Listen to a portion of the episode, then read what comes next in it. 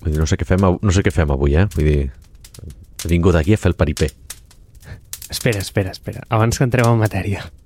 És que ahir et volia fer una pregunta i m'encantaria saber què haguessis pensat si a l'entrar a la trucada m'haguessis vist encursetat en unes Vision Pro d'aquestes. Que les tens de lloguer. Perquè jo sé que tu havies fet el... Tens la moguda aquesta, com de renting. O ho havies provat, no? Durant... Però tens lo de renting d'andròmines d'aquestes de, de hardware, saps? Dic, segurament les ha llogat, no se les ha comprat. Això és el que hauria pensat jo. Clar, és que hagués sigut molt estrany, eh? Perquè si jo les tingués i tu no, m'hauria de personificar en aquesta trucada amb les ulleres d'aquestes d'astronauta posades.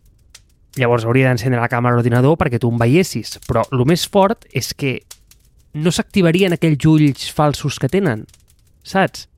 Perquè com que no detectaria que hi hauria algú davant, em veuries com, literalment, com un astronauta amb la pantalla negra. No ho sé, tio. Jo cada cop, cada cop ho veig menys, eh? Vull dir, no sé si s'ha desinflat el, el hype que, que hi havia en totes les expectatives de, de les ulleres aquestes, però jo ho veig menys, però tampoc voldria, voldria ser el hater aquí, eh?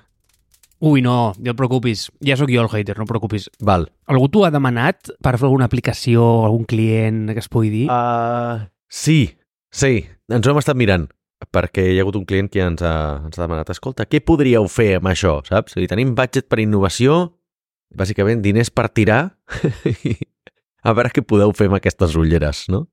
I, i no sé, sí, ens ho hem estat mirant, eh? Però, però si no recordo malament... Hòstia, és que ara m'estic confonent també amb les de Facebook, no? Perquè, o sigui, Meta també té unes ulleres, ja no et sabria dir quines eren les que no estaven disponibles fins al març, crec que eren les de Meta les que no estaven disponibles, i no sé en què va quedar tot allò, sé que encara ens ho estem mirant, però, bueno, té aplicacions entretingudes i útils, però estem en fase de recerca.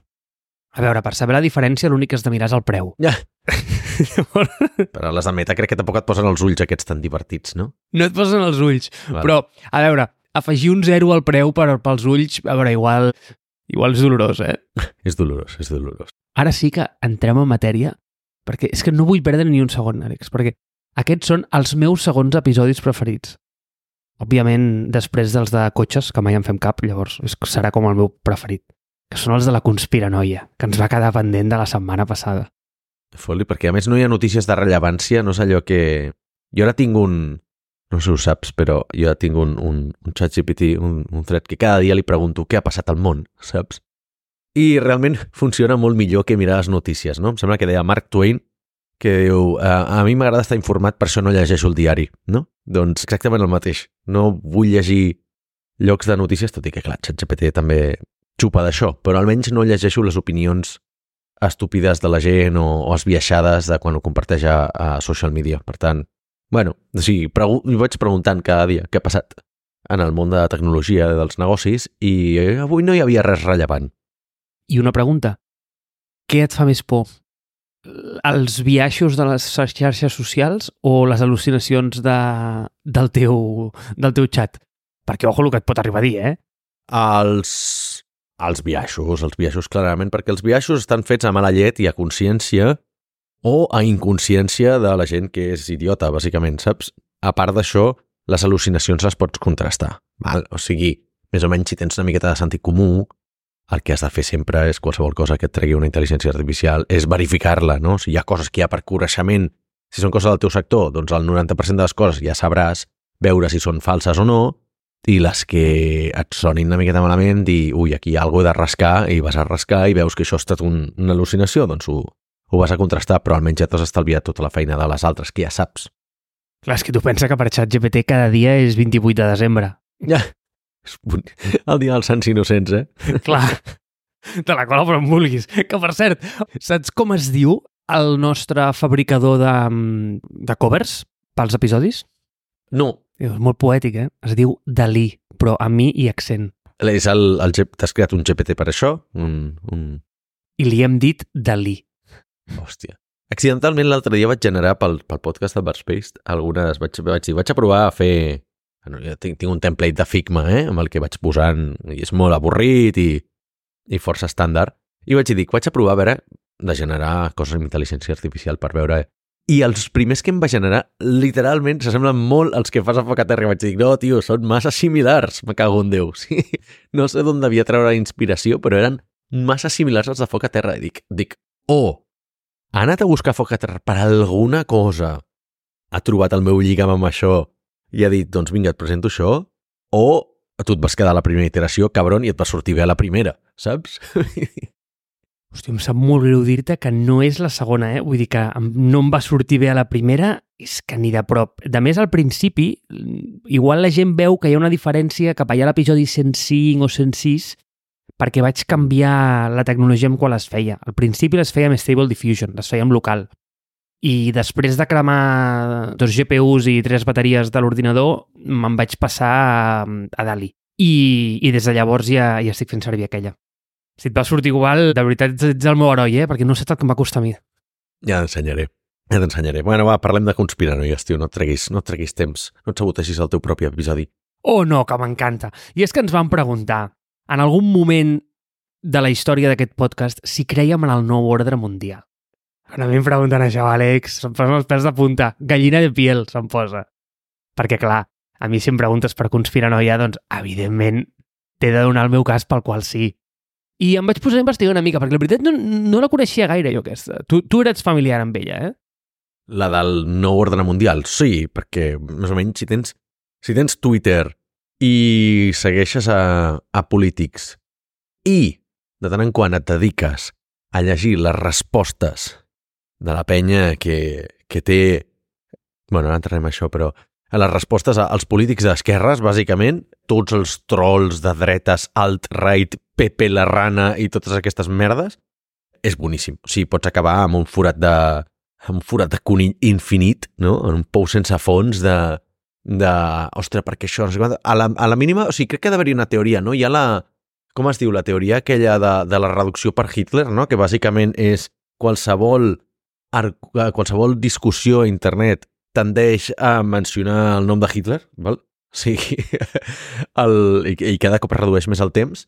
Doncs aquí hi ha més o menys el mateix, no? Qualsevol persona que posi alguna cosa mínimament d'esquerres a Twitter o a qualsevol xarxa social acaba arribant una horda de trolls de dretes a dir pues, que si Perro Sánchez terrorista i com ho posis en anglès, doncs ja el, el QAnon, saps? Els dels demòcrates són, són pederastes i, i aquest tipus de coses i, evidentment, ja acaba sortint el Club Bilderberg, el, no, els Illuminatis, el pla d'exterminació de la raça blanca i no sé quantes merdes més. O sigui, sí, més o menys estic al tanto d'això.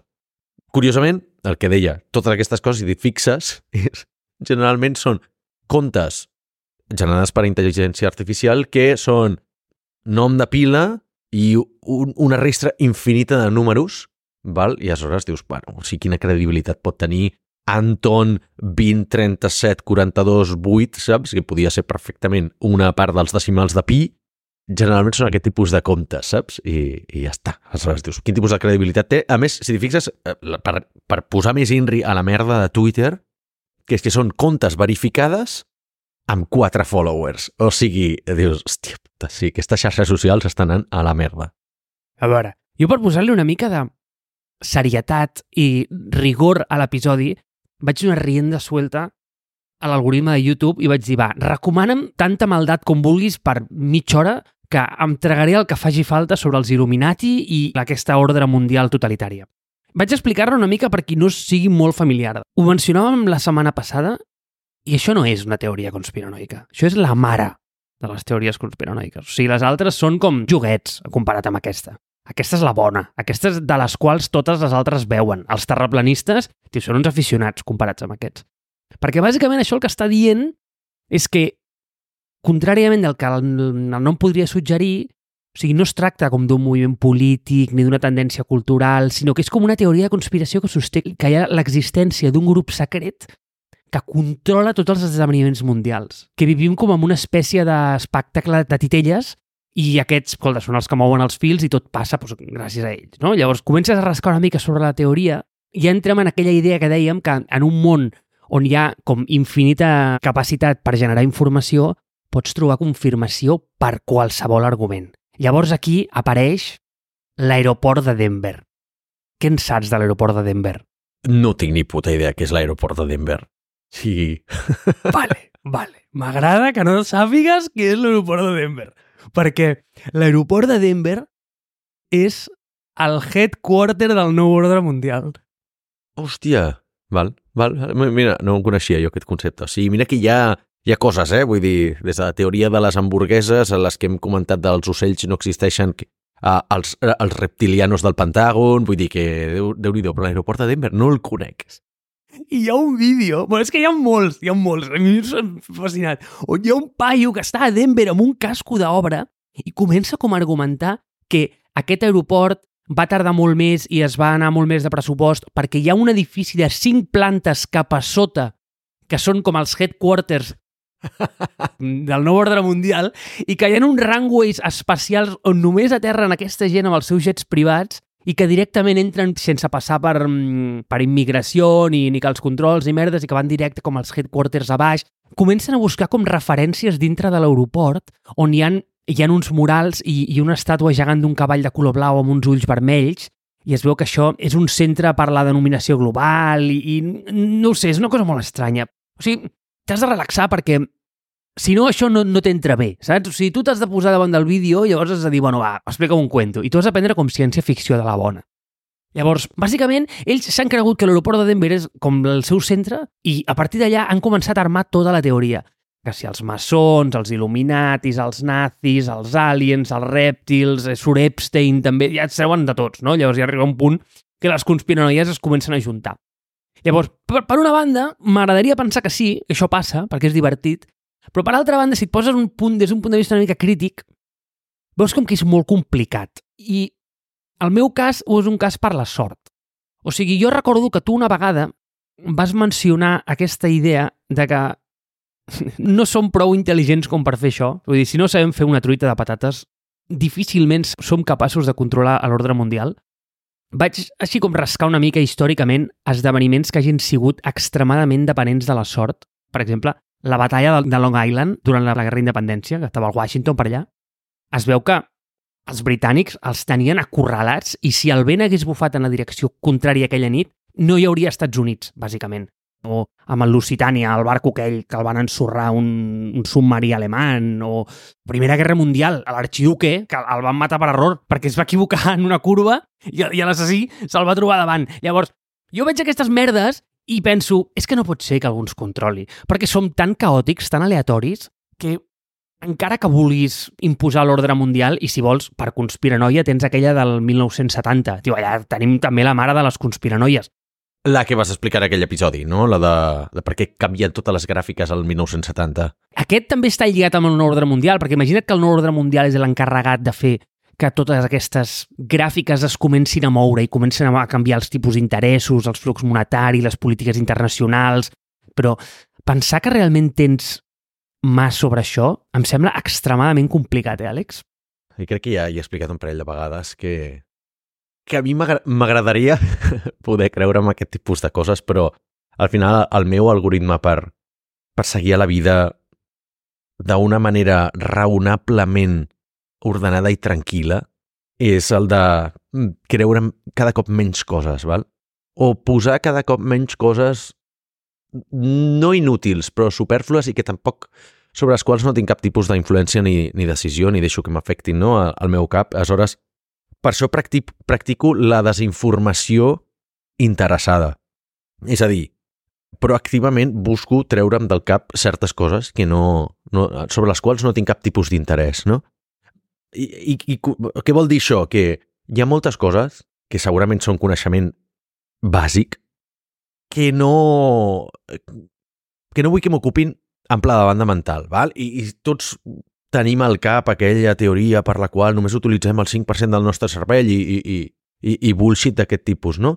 Però jo me'n recordo llegint els llibres de, de Sherlock Holmes que Watson explicava com, com Sherlock Holmes no sabia la majoria de coses bàsiques que sabia la gent de carrer, no? Té diu, és increïble com una ment tan brillant capaç de resoldre tot aquest tipus de, de misteris i, i anar al més detall i ser tan observador i, i dir, hòstia, s'ha fixat en que aquella persona quan va dir tal cosa en realitat portava, va canviar-se l'anell de mà i no sé què, bueno, saps tots aquests petits detalls i no sabia com fer-se una truita, no? Doncs Sherlock Holmes explica que la ment humana és com, com, com, com un àtic, no? Com un, com, com un, diguem-li, com un gran armari, no? Una despensa en la que tu pots ficar-lo ple de coses inútils i després et costarà molt més trobar la cosa que tu realment vols guardar allà, no? Si tu has, has desat coses extremadament valioses i per bé que tinguis molt espai, tu li fiques un sofà antic, li fiques les joguines que de la teva infantesa, els records que no sé què, allò que t'ha deixat un amic perquè no té espai, li deixes tu perquè, perquè tens una casa més gran i acabes de ficar tot de coses inútils, per bé que tinguis espai, et costarà més anar a trobar aquella cosa que necessites, no?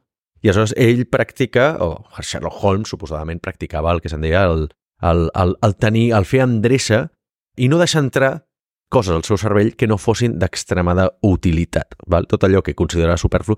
Doncs no vull comparar-me amb Sherlock Holmes, però sí que jo faig molt això, no? Dic, I puc arribar a ser fins i tot borde en, amb certa gent quan m'explica coses que dic, no, no, és que no vull saber això, si no m'interessa. No, no, no m'interessa, no ho faré servir mai a la vida, no necessito saber aquesta informació, no la vull tenir al meu cervell. És com quan jo anava a l'institut i me'n recordo que vaig veure que un, si no, al, al, al meu, a la meva línia, jo vaig al batxillerat tecnològic i, i no sé per què, doncs teníem com un trimestre de química, un semestre, perdó. I aleshores vaig dir, no he fet mai química, no faré mai química i tinc un puto semestre de química. Necessito saber química? Vaig dir, no. I era com, 50% de nota era física i 50% era química. Vaig dir, vale, vaig a concentrar-me en treure un 10 a física i, un, i faré un 0 de química. Què passa? No vaig treure un 10 de física, vaig treure un 7. Bueno, doncs vaig treure un 3 a, a química. Què vaig treure? Un 3 a química. Aleshores vaig aprovar el, el semestre, no? I mai he volgut saber res de química per aquest tipus de coses. No m'ha servit de res a la vida. Vaig dir, jo allà me'n vaig adonar, dic, hòstia, proactivament pots buidar el teu cervell per després a poder accedir més ràpid a les coses que realment necessites, no? I, i vaig llegir lo de Sherlock Holmes a posteriori i després és una, una teoria que he anat veient també amb, amb els anys, val? o sigui, no és un viatge de, de confirmació, sinó que és una cosa que he, he anat veient i dic, hòstia, reforça aquesta idea. Tot això per dir-te que pel tema de les conspiranoies, generalment jo he estat la típica persona en què t'expliquen una cosa i dius, no, tio, tio, no, jo, no, jo no vull saber això, no m'expliquis d'aquestes merdes, no, no vull que ocupi espai a, al meu cervell. O sigui que, no, a menys que tingui dies de encefalograma pla, de dir, vaig a avorrir-me i vaig a buscar, vinga, va, anem a llegir que... Anem a veure els vídeos de YouTube, vinga, una sessió de 5 hores de, de veure aquest tipus de merda. Generalment no he deixat que, que això contamini el meu cervell perquè vull ser una persona més, més, no simple, sinó senzilla en aquest sentit, no? I mm, pensar que hi ha un gran ordre mundial que es dedica a fer aquest tipus de coses i que tots els astres s'han alineat perquè les grans elites del món doncs sí, controlin i tal, a mi no m'encaixa. Em faria la vida més complicada i sobretot, sobretot, crec que no conforma amb la meva visió del món de que els humans som extremadament, inútils val? i que moltes de les coses, com per exemple la vida, s'han donat per error i per accident per tant, crec més en els, els accidents i que si algun dia ens troben els aliens serà per accident, doncs que, que pensant que s'ha conjurat i hi ha hagut un perfecte ordre mundial, perquè és que és això, a l'hora l'hora de coordinar-nos sorten molt poques coses. No, i tens aquí el teu punt, del Sherlock, que hi havia una cosa que Sherlock Holmes no tenia, que era internet li hagués explotat el seu cap en el moment que hagués tingut un telèfon amb informació permanent 24-7 il·luminant-li la pantalleta. Aquest home no hagués pogut resoldre ni un cas amb això a la mà. No, Sherlock Holmes no hauria tingut internet. Hauria estat la típica persona que no només no té mòbil, sinó que no té, no té correu electrònic o que aniria encara amb un correu electrònic de Hotmail, saps? O de, o de Ozu, saps? Vull dir, aquest seria el nivell. I aquí en el teu punt de, del teu ample de banda mental, aquesta és una discussió molt freqüentada en els meus entorns familiars, la de si les notícies són útils o no són útils. Jo crec que són un mecanisme de drenatge mental que no serveix absolutament per res. És a dir, el negoci de les notícies bàsicament és que estiguis mirant i atent. El seu incentiu no és informar-te, sinó que estiguis enganxat. Llavors, què fan? Pues han explotat una mica la nostra naturalesa humana, que reaccionem amb més ràbia sobre les coses negatives. Però aquest viatge està bé. Això estava bé quan estàvem a la selva. Llavors els pessimistes eren els que triomfaven. Els que molaven llavors eren els pessimistes, perquè si venia un tigre, evidentment, tu, tu havies de pensar que aquella cosa et anirà a perseguir, et anirà a matar. L'optimista, tio, ja no dura, mai millor dit, ni un telediari, perquè Hòstia, diu, hòstia, mira un tigre, tal, va, no sé què, va, li vaig a tocar el capet... No, no funcionava així, això. El pessimisme ens ha portat fins aquí i estem jarcudejats per ser pessimistes.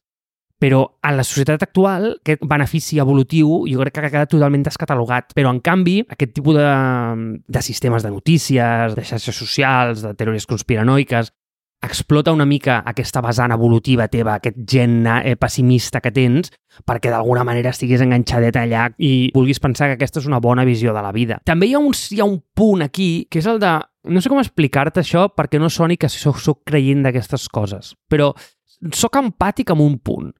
I és que la gent que hi creu no és que sigui imbècil, és que simplement veu realitats diferents que la teva. És bastant evident que la Terra no és plana. Però si tu has crescut i vius en un entorn on només escoltes que la Terra és plana, probablement creguis que la Terra és plana. Llavors, quan hi ha aquestes discussions o col·lisions socials entre gent que pensa una cosa i uns que pensen una altra, no és que uns tinguin la raó i, evidentment ja factualment hi han coses que són certes i es poden verificar, però jo vaig més a un punt de vista social de que quan dues persones creuen coses diferents, moltes vegades no és que un sigui tonto i l'altre sigui més llest. És que simplement veuen realitats diferents. És a dir, tu posat en l'entorn d'aquella altra persona, probablement haguessis crescut i haguessis esdevingut a pensar el mateix que l'altre si haguessis tingut la seva realitat. I això jo crec que s'ha magnificat molt amb el tema de, d'internet i aquestes bombolles, que, que tu et crees com la teva pròpia cambra d'eco i llavors si només en reps inputs que validen aquella idea, acabaràs creient en aquella idea. I amb això passa com amb tot. I, per exemple, has comentat el tema dels aliens, no? Mira, a mi a mi m'agrada pensar que això és una simulació. Sí, però mira fins a quin punt que dius, veure, el Marc igual és un xaval que, que no està tot i li falta una bullideta i tal, però veure, el xaval vull dir, és apanyat, no és tontet. Igual pot creure coses, però no ho sé. Vull dir, segurament és bastant racional i raona. Llavors, a mi el tema de la simulació, si tu m'ho dius de primeres, et diria hòstia, em costa pensar que això és el Matrix, eh? Però després reps inputs de, per exemple, llegeixes tots els casos de Fermi, totes les seves possibles hipòtesis ho reafirmes des d'un punt de vista estadístic i penses, a veure, què és més probable?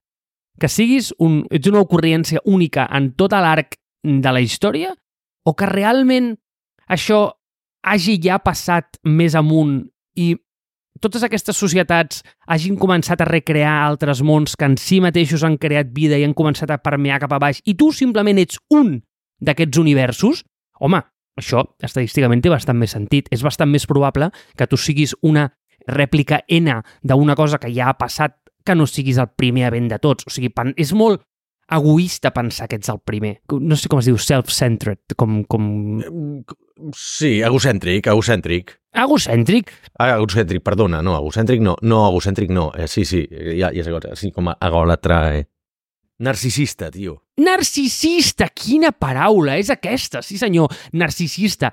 És molt narcisista pensar que tu ets el primer de la cadena. A veure, que és possible, eh? És possible, poc probable, però és possible. Però llavors, quan comences a rebre com inputs aquests de la simulació, doncs dius, hòstia, és que igual sí. I clar, i quan comences a veure coses com ChatGPT, comences a pensar, home, és que igual estem començant a crear els de sota ja, saps? Llavors, no ho sé, et dona com aquests certs inputs que et donen a validar moltes de les coses que així a priori, si ho comences a explicar pel carrer, igual et tanquen, però si comences a agafar A i B i comences a ajuntar, dius, home, doncs aquesta m'agrada. I per què m'agrada a mi la teoria de la simulació i no la del New World Order? Ah, bueno, perquè a mi m'agrada més la física, l'estadística, la matemàtica, llavors em sento com més atret per aquesta. Però al final també podria ser una teoria conspiranoica, aquesta. Jo, ja et dic, o sigui, és que quan te'n vas a coses tan grans, jo crec que també ens han, ens han volgut... A veure, és que has dit moltes coses interessants. La primera és la de sobredosis d'informació, no? O sigui, al final, com bé, com bé dius, quan hi ha... Crec que s'atreu com un, un tel dels ulls quan comences a, a investigar quins són els incentius darrere les coses, no? I aleshores, clar, tu dius, vale, molt bé, hi ha totes aquestes notícies, però tu te n'adones que de vegades dius, i, això, i aquesta puta merda de notícia, no? O sigui, tu veus allò que un dia que el telediari o el, el diari que tu miris està ple de...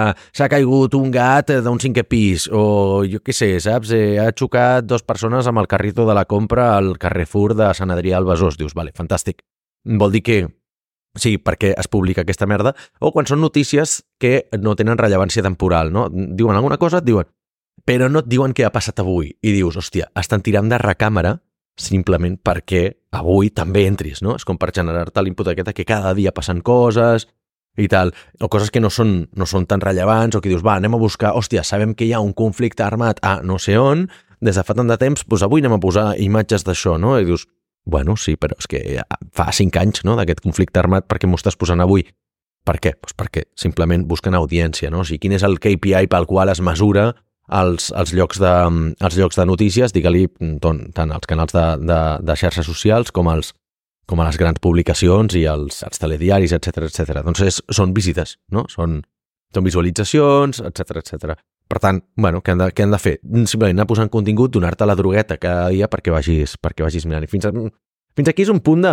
Inclús hi podries dir que és conspiranoia, això, no? Però vull dir, a nivell... Tu i jo que estem en el sector de negocis sabem que això funciona així, saps? Vull dir, com funcionen els algoritmes de YouTube? Doncs funciona per, per engagement, no? Aleshores, si tu, hòstia, has d'incentivar sempre que la gent, o els dels, els dels jocs mòbils, has d'incentivar que la gent cada dia entri, faci la seva cadena de, de fer les tasques de, de la setmana, que cada dia faci aquestes accions, que cada dia es loguegi perquè tens una notificació, que si entres cada dia tens com un ítem gratuït, doncs etc etc. Tres quarts del mateix passa amb els, amb els diaris. Hem de cada dia, perquè tu has de saber, has d'estar informat què passa en el món, no? Perquè, evidentment, qualsevol persona et pararà pel carrer, et, pararà i et diràs, escolta, saps? Vull dir, tu saps què passa als últims desenvolupaments a la, a, la, a les fronteres entre, entre Rússia i Ucraïna, saps ara a quin quilòmetre esperant quins, quin, quin, quin ha estat l'últim l'últim poble d'Ucraïna que ha envaït Rússia, si no ho saps, ets un imbècil, no? Doncs es pensen que una miqueta que no funciona així. No, saps? Vull dir, el món no funciona així, però et fan pensar que, que funciona així, que has d'estar al tanto a la última de totes aquestes coses. No és veritat. Jo per això practico aquesta desinformació interessada, com et dic. Eh, aquesta és una. L'altra cosa, el dels incentius ja està. Però com et deia, o sigui, jo crec que també se'ns ha desincentivat en el, en el model educatiu el tema del pensament crític, val?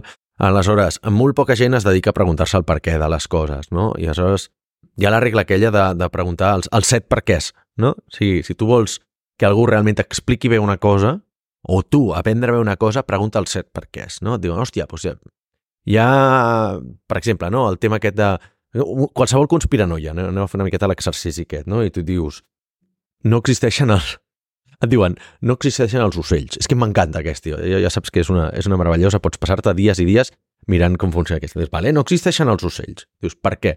No, perquè els ocells en realitat són drons.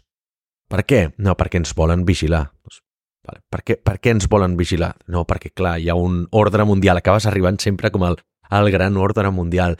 I per què hi ha un gran ordre mundial? Doncs perquè, clar, així els rics perpetuen la seva condició de rics i nosaltres continuem sent pobres i ja està, dius, per què? Saps? Has d'anar sempre preguntant el per què i a veure fins a quin punt són capaços de respondre a, a aquesta gent, no? Arriba un punt en què són bastant absurds i alguns d'aquests, o sigui, inclús, és que em sembla que hi havia el... M'he llegit ara recentment el llibre del Dani Sánchez Crespo, que va ser professor meu a la, a la uni, i la gent que tingui Twitter el coneixerà, és aquest senyor amb les pinces al cap, que es va fer molt famós per fer fils a Twitter sobre el tema del coronavirus. Ja fa fils a Twitter, una miqueta de qualsevol cosa i és un gran divulgador. És una persona que parla molt bé, des, dels pocs profes que recordo jo de la uni perquè vaig dir, hòstia, aquest tio sap comunicar, saps? Jo anava a totes les seves classes, inclús les que no estava apuntat, perquè, perquè m'ho passava molt bé, a més és bastant destraler. I el seu llibre està bé, o sigui, és un llibre que t'explica doncs, maneres de pensar, maneres de ser creatiu, endreçar una miqueta el capet i, i crec que, crec que està bé perquè si la majoria de gent el llegeix, doncs bueno, amb sort haurà aconseguit arreglar algunes persones i, i creuran menys tonteries, no? I ell li té una tirri als terraplanistes eh, importantíssima, no? I fa aquest exercici no, dels perquès amb, amb els terraplanistes i clar, arriba un punt en què dius, hòstia, és que no té cap puto sentit i s'acaben I quan fas aquest exercici s'acaba acaben dient alguna cosa que va en contra de conspiranoia. Per què? Perquè és que per bé que s'hagin cregut la, les teories de la, del terraplanisme, en tenen d'altres que estan subjacents que no les han disputat. I aleshores arriba un punt en què, o sigui, mai han arribat a tal nivell de profunditat de qüestionar-se el del terraplanisme i arriba un punt en què ja rasques la sisena o la setena capa a través del sisè o setè per què, en què et respon, se'ls surt del marc mental del terraplanisme i t'acaben acceptant una cosa que no conforma el terraplanisme. No sé si m'explico, no? O sigui, tu sent el primer per què, sí, vale, el segon per què, el tercer, tal, tal, tal, i, i fins aquí és més o menys on arribaria un debat normal. Però per desgast, si tu arribes a trencar amb, el, amb la setena barrera, arriba un punt en què ja no els hi queden arguments i subconscientment diuen una cosa que van aprendre al col·le o que té a veure amb que, evidentment, que la Terra no és plana, saps? I ja està. I, i allà és on es trenquen aquest tipus de coses. És a dir, qualsevol teoria, qualsevol conspiranoia, arriba, té un punt de trencament, val? al qual no pots anar a més nivell de profunditat, però bueno, no sé. Segurament ja la persona més hardcore del planeta li pot ser 50 perquè és i, i t'acabarà arribant i hi ha gent que guanya els arguments per, de, per desgastament. De, fre, de fet, hi havia una... Hòstia, hi ha una, hi ha, hi ha, hi ha una, hi ha una metodologia, no? La dialèctica, que ara no me'n recordo, no me'n recordo del nom, i de fet també la menciona el Daniel llibre, que és el de, el de, com de guanyar per, per esllavissada, no? Que és el de eh, aquest tipus de persona que quan comences a debatre amb ella et comença a tirar molts fets, moltes afirmacions molt ràpid perquè no et doni temps. Val? És com el anar a buscar el knockout directe en un combat de boxa, val? i no té per què tenir raó, però simplement perquè t'ha tirat tants arguments, no sé què, et desgasta. Va? Desgasta i dius, hòstia, no puc, no puc, saps? I li acabes, acabes rendint-te. Tots coneixem una persona així, doncs el, el mateix passa amb els, amb els terraplanistes. Bueno, és que aquest home faria bona la teva màxima de que tu pots suplir la falta de coneixement amb opinions molt fortes. Vaig a buscar a veure si ho trobo com es deia, tio, però em es deia en anglès, em és landslide debate o alguna així. És el que millor combina amb el teu exercici per guanyar debats. O sigui, si tu t'anessis en un, en una espècie de concurs d'aquests de, de debat de, de la uni, Sí. hauries d'entrar amb aquesta estratègia, directament. Buscar-ho perquè és que té... No, no es diu landslide, però bueno, hauria de buscar, perquè ara buscar qualsevol cosa i t'explica tot de, de, de, de notícies desllavissades mortals i no, evidentment no és aquest. Però hauré de buscar, eh? Vull dir, és una, és una manera de, de debatre.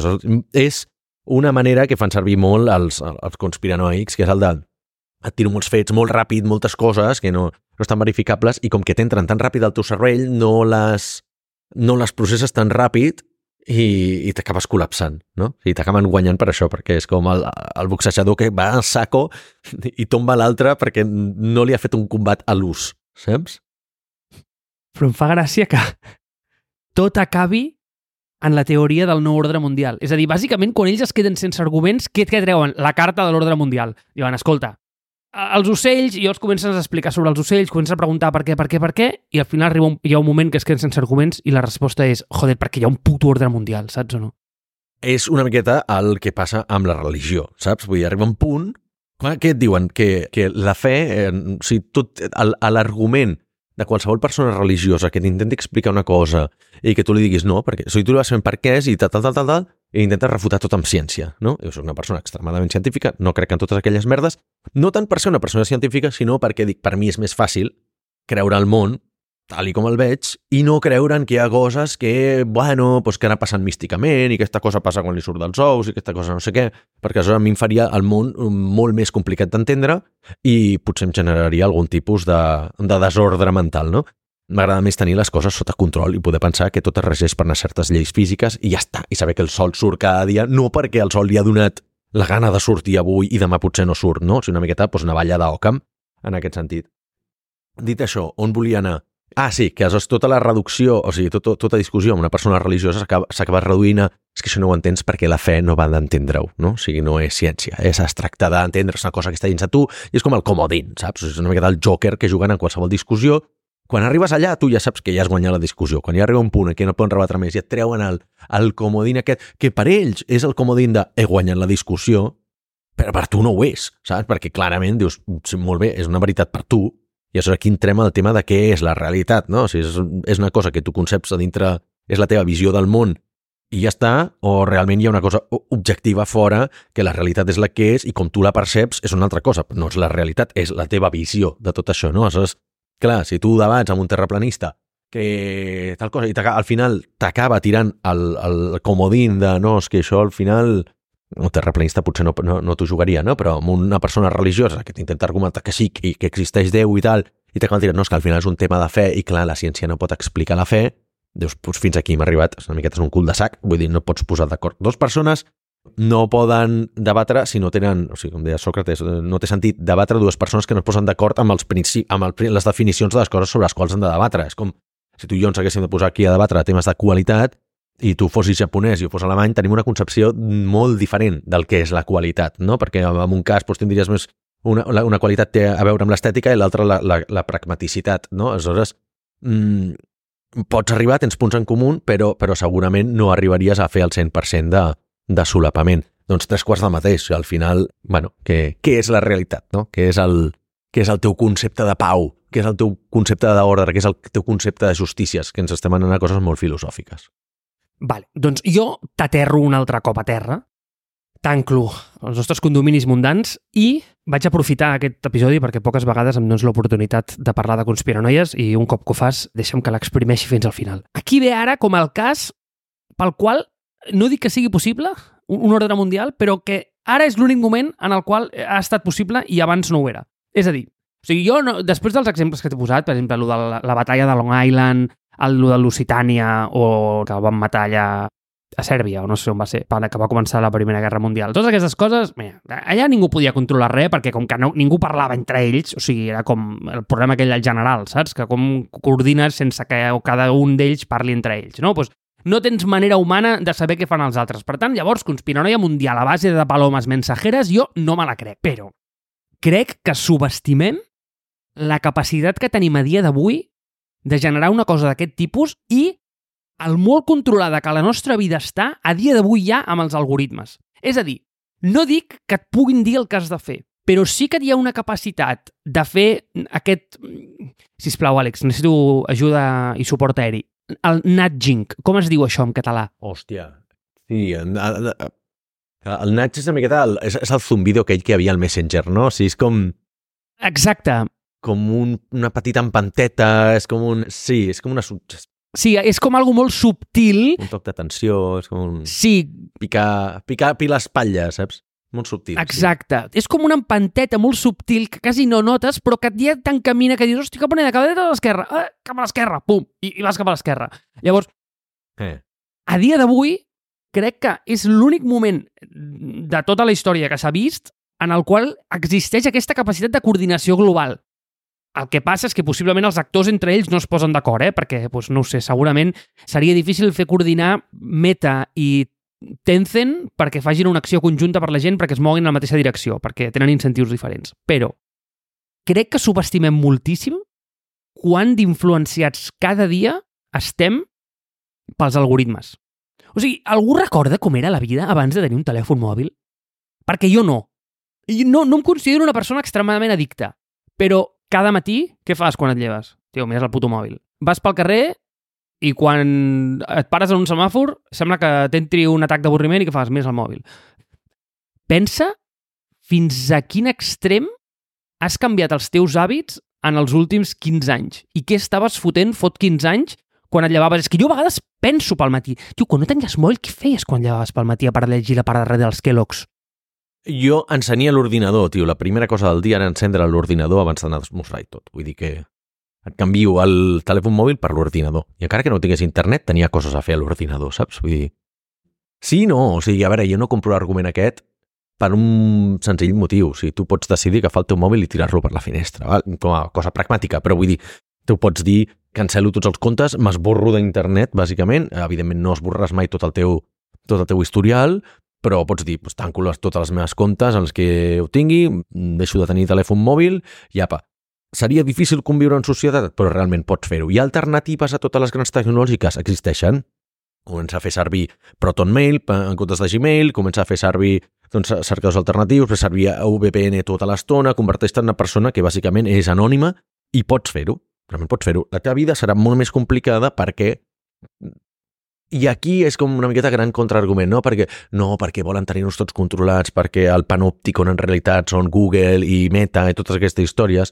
Dius, no, perquè si fos així, o sigui, si fos així, realment tu no podries tenir, no hi hauria l'opció, o sigui, s'encarregarien de que no existís l'opció de que tu poguessis esborrar-te, sortir, com es diu en anglès, off the grid, no? O sigui, sortir de la, diguem, de la, de la, de la matriu. Val. Aquesta és una. L'altra, el contra-contraargument, rebassant una miqueta més la troca, és que, clar, no et controla tu directament, encara que t'hagis tret de la matriu, però tens tota aquesta pressió social de que com que tothom ho fa, tu també ho has de fer. No seràs l'únic, no? No seràs l'únic que no té telèfon mòbil, no seràs l'únic que no té internet. Però és que això, el contra-contra-contra-argument, sempre ha estat així. És a dir, sempre ha estat així perquè sempre tothom ha estat, home, des de temps immemorials, en família. Val? Per exemple, és un exemple, o tothom ha viscut en una casa, saps? Qui és el, segurament quan van començar les cases, saps? Vull dir, algú, hi havia algú que deia, no, no, jo vull viure en un arbre, perquè viure en una casa és una manera de controlar-te el sistema, saps? O viure en pobles, no? O sigui, quan la gent va començar a viure en, en, en, en sistemes societaris, sedentaris, al qual ja hi havia, doncs, els pobles, les viles, la, digue-li com vulguis, no? les, les ciutats i tot això, controlar, hi havia el penjat, que deia, diu, jo no vull viure aquí perquè aquí em veuen tot el que faig, aquí no estic bé, era, doncs era el loco que vivia en una cabana al, al bosc, no? Era la bruixa, era no sé què. Sigui, sempre hi ha hagut una manera de demonitzar en societat la persona que no conforma amb tots els estàndards. Això en quant a, en quant a viure en ciutat. En viure en, en família? Doncs el que no vivia en família, hòstia, aquesta persona no, és que mai ha tingut fills, mai ha tingut parella, és el raro, saps? El raro, és la persona que després la despreciaven, era una miqueta el, saps? El pària del, de la família i, pues, bueno, pues, Sempre hi ha hagut una manera de demonitzar tota la gent que no conforma amb els estàndards que nosaltres assumim com a, com a socials. Si t'hi fixes, la societat no està preparada per tenir crios, viure en una ciutat i no tenir cotxe. Per què? Perquè el transport públic és hostil per les criatures, les alternatives, o sigui, caminar a grans distàncies doncs, no va bé, saps? Moltes coses no estan adaptades, has d'anar amb cotxe per anar als llocs, etc etc. Això és, això, això és un fet, no? Però, però clar, és que realment tu t'has de pensar si realment ho fan per controlar que la gent que tingui criatures o perquè és més convenient adaptar, sabent que la majoria de la societat sí que en té, doncs anem a fer aquesta inversió per fer més fàcil a la gent que sí que té criatures i muntem una societat que sigui més justa, la posem més al centre del que és el disseny de les, de les ciutats i dels sistemes i ja està, i que aleshores els altres es converteixen en els conspiranoics de volen, volen que tinguem criatures per no sé què. No ho sé, Clar, segurament tendim a observar una miqueta la societat des de, la, des de la, la nostra òptica egoista de pensar que, hòstia, és injust perquè jo, jo què sé, tio, jo podria pensar el mateix, soc esquerrà, tio, i tot el món està dissenyat per dretans. Però no vaig pel món pensant, joder, putos dretans, és que ho han fet així per controlar-nos, per, per, per acabar amb els esquerrans, per fer-nos la vida impossible, no sé què. No, hi ha un motiu pel qual tot ha estat així. Val?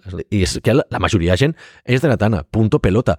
Però tendim a pensar-nos que som el puto centre de l'univers i, i som, el, el, som el malic de l'existència i no és veritat, tu ets un puto gra de sorra en, en, en un univers infinit de platges, saps?